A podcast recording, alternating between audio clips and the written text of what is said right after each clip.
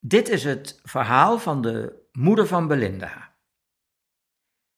Ik ben nu 80, zegt mijn moeder. Ik was 30 toen Belinda geboren werd. Mijn eerste dochter heet Sandra. Zij heeft een verstandelijke beperking. Ze is ook slechtziend. We wilden eigenlijk geen tweede kind, maar Belinda kwam onverwachts. Ik was een beetje bang dat het tweede kind ook zo zou zijn. Ze gingen haar onderzoeken. En ze had hetzelfde als Sandra. Slechtziend. En nog wat andere beperkingen. In het bewegen, met de motoriek, in het hoofd. Belinda heeft altijd veel te vertellen. Bij haar zus moet je de woorden uit haar mond trekken. Maar bij Belinda gaat er heel wat in het kopje om. Ze heeft een enorme interesse in de wereld en zegt soms dingen, nou, waar ik nog nooit van heb gehoord. Als ze bij mij is, gaat ze altijd vertellen. Ze heeft heel veel humor ook. Ze is gek op kokkerellen of uh, wokken. Noem maar op. Altijd zorgzaam. Ze zegt dan: Ma, zal ik lekker eten voor je maken? Belinda was al dertig toen ze het huis uitging. In het begin hebben we veel gehuild, maar het ging steeds beter. Ze wilde mij niet in de steek laten en ik haar niet. In de puberteit was ze best wel eigenwijs en boos. Ach, dat geeft ook helemaal niet, hoort er gewoon bij. Tot de elfde heeft ze in de broek geplast. Dat was wel erg, zat ze zelf ook mee. Zij heeft mij nog nooit teleurgesteld. Ze is puur. Ze kan een geheim bewaren, maar smoesjes verzinnen kan ze niet. En als je met haar afspreekt dat je niet mag knuffelen, nou, dan doet ze het ook niet. Ze doet alles uit haar hart. Misschien heeft ze dat van mij. Wij waren een gelukkig gezin. Maar het is achteruit gegaan in de loop van jaren door ziektes en ongelukken. Mijn man heeft een vreselijk auto-ongeluk gehad. Heel erg. Het was s'avonds laat. Er werd gebeld. Politie. Frontale botsing. Hij is uit de auto gezaagd. Mijn broer ook. Die kan nog steeds amper lopen. Van binnen helemaal beschadigd en vol met ijzer. Heel erg. Toen dat allemaal achter de rug was, kreeg ik kanker. Bestraling gehad, maar dat hielp niet. Toen zijn ze gaan opereren. Ze hebben allemaal plakjes uit mijn mond gehaald. Ik heb nog maar een halve tong. Mijn man ging weer gewoon autorijden de kindjes achterin. We hebben angsten uitgestaan, dat wil je niet weten. Ik was helemaal paars van de zenuwen. Blij dat ik op de camping was. Hij was heel agressief met rijden. Daarna werd hij heel erg ziek. Water achter de longen.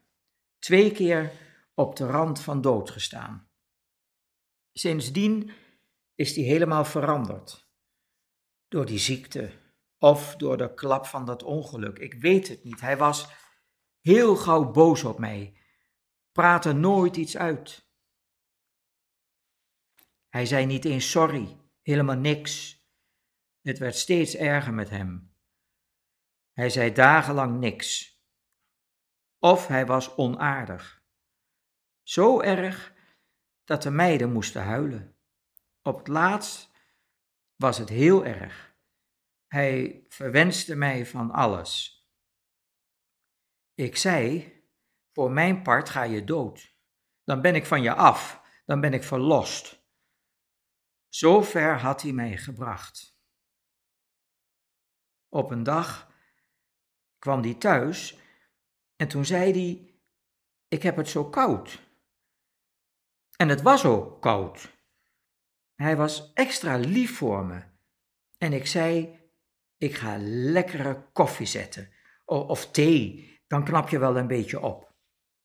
Hij ging zitten in een grote fauteuil. Het was tussen de middag. Hij viel in slaap. Ik heb nog een dekentje over hem heen gegooid. Ik was ook extra lief voor hem. En ik dacht, weet je wat? Ik doe ook even mijn ogen maar dicht. Ik ging ook even slapen. En toen ik wakker werd, dacht ik, wat zie ik nou? Hij ligt met zijn arm haast op de grond.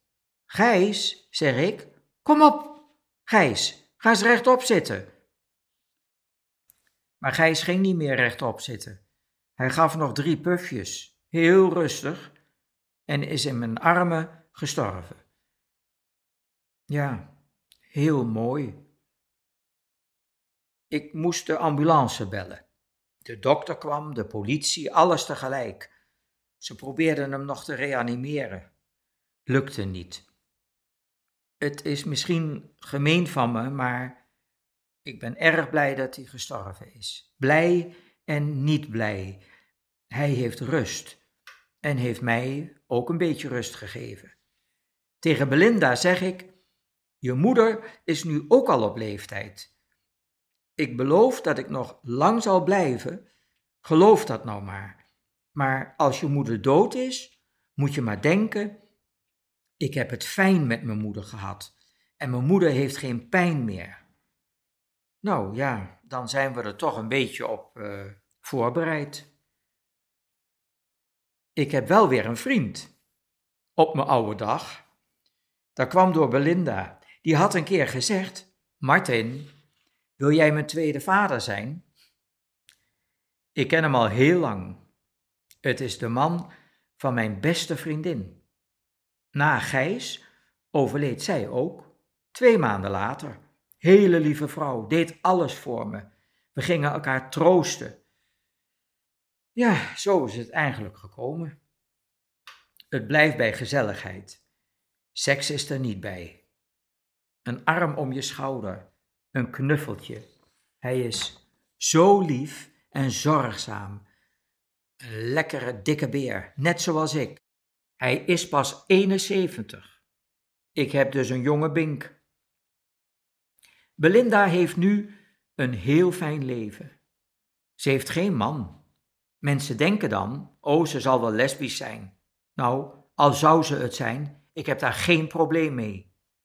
Het ene weekend komt Sandra, het andere Belinda. Ook wel eens samen. Ze zijn heel goed met elkaar en heel lief en gezellig. Nog steeds. Misschien hebben ze dat van mij, zulke schatten van meiden. Nooit jaloers. Belinda schildert. Het hele huis hangt vol met schilderijen. En Sandra kan mooi breien. Ze zijn allebei zo lief, zo vreselijk lief.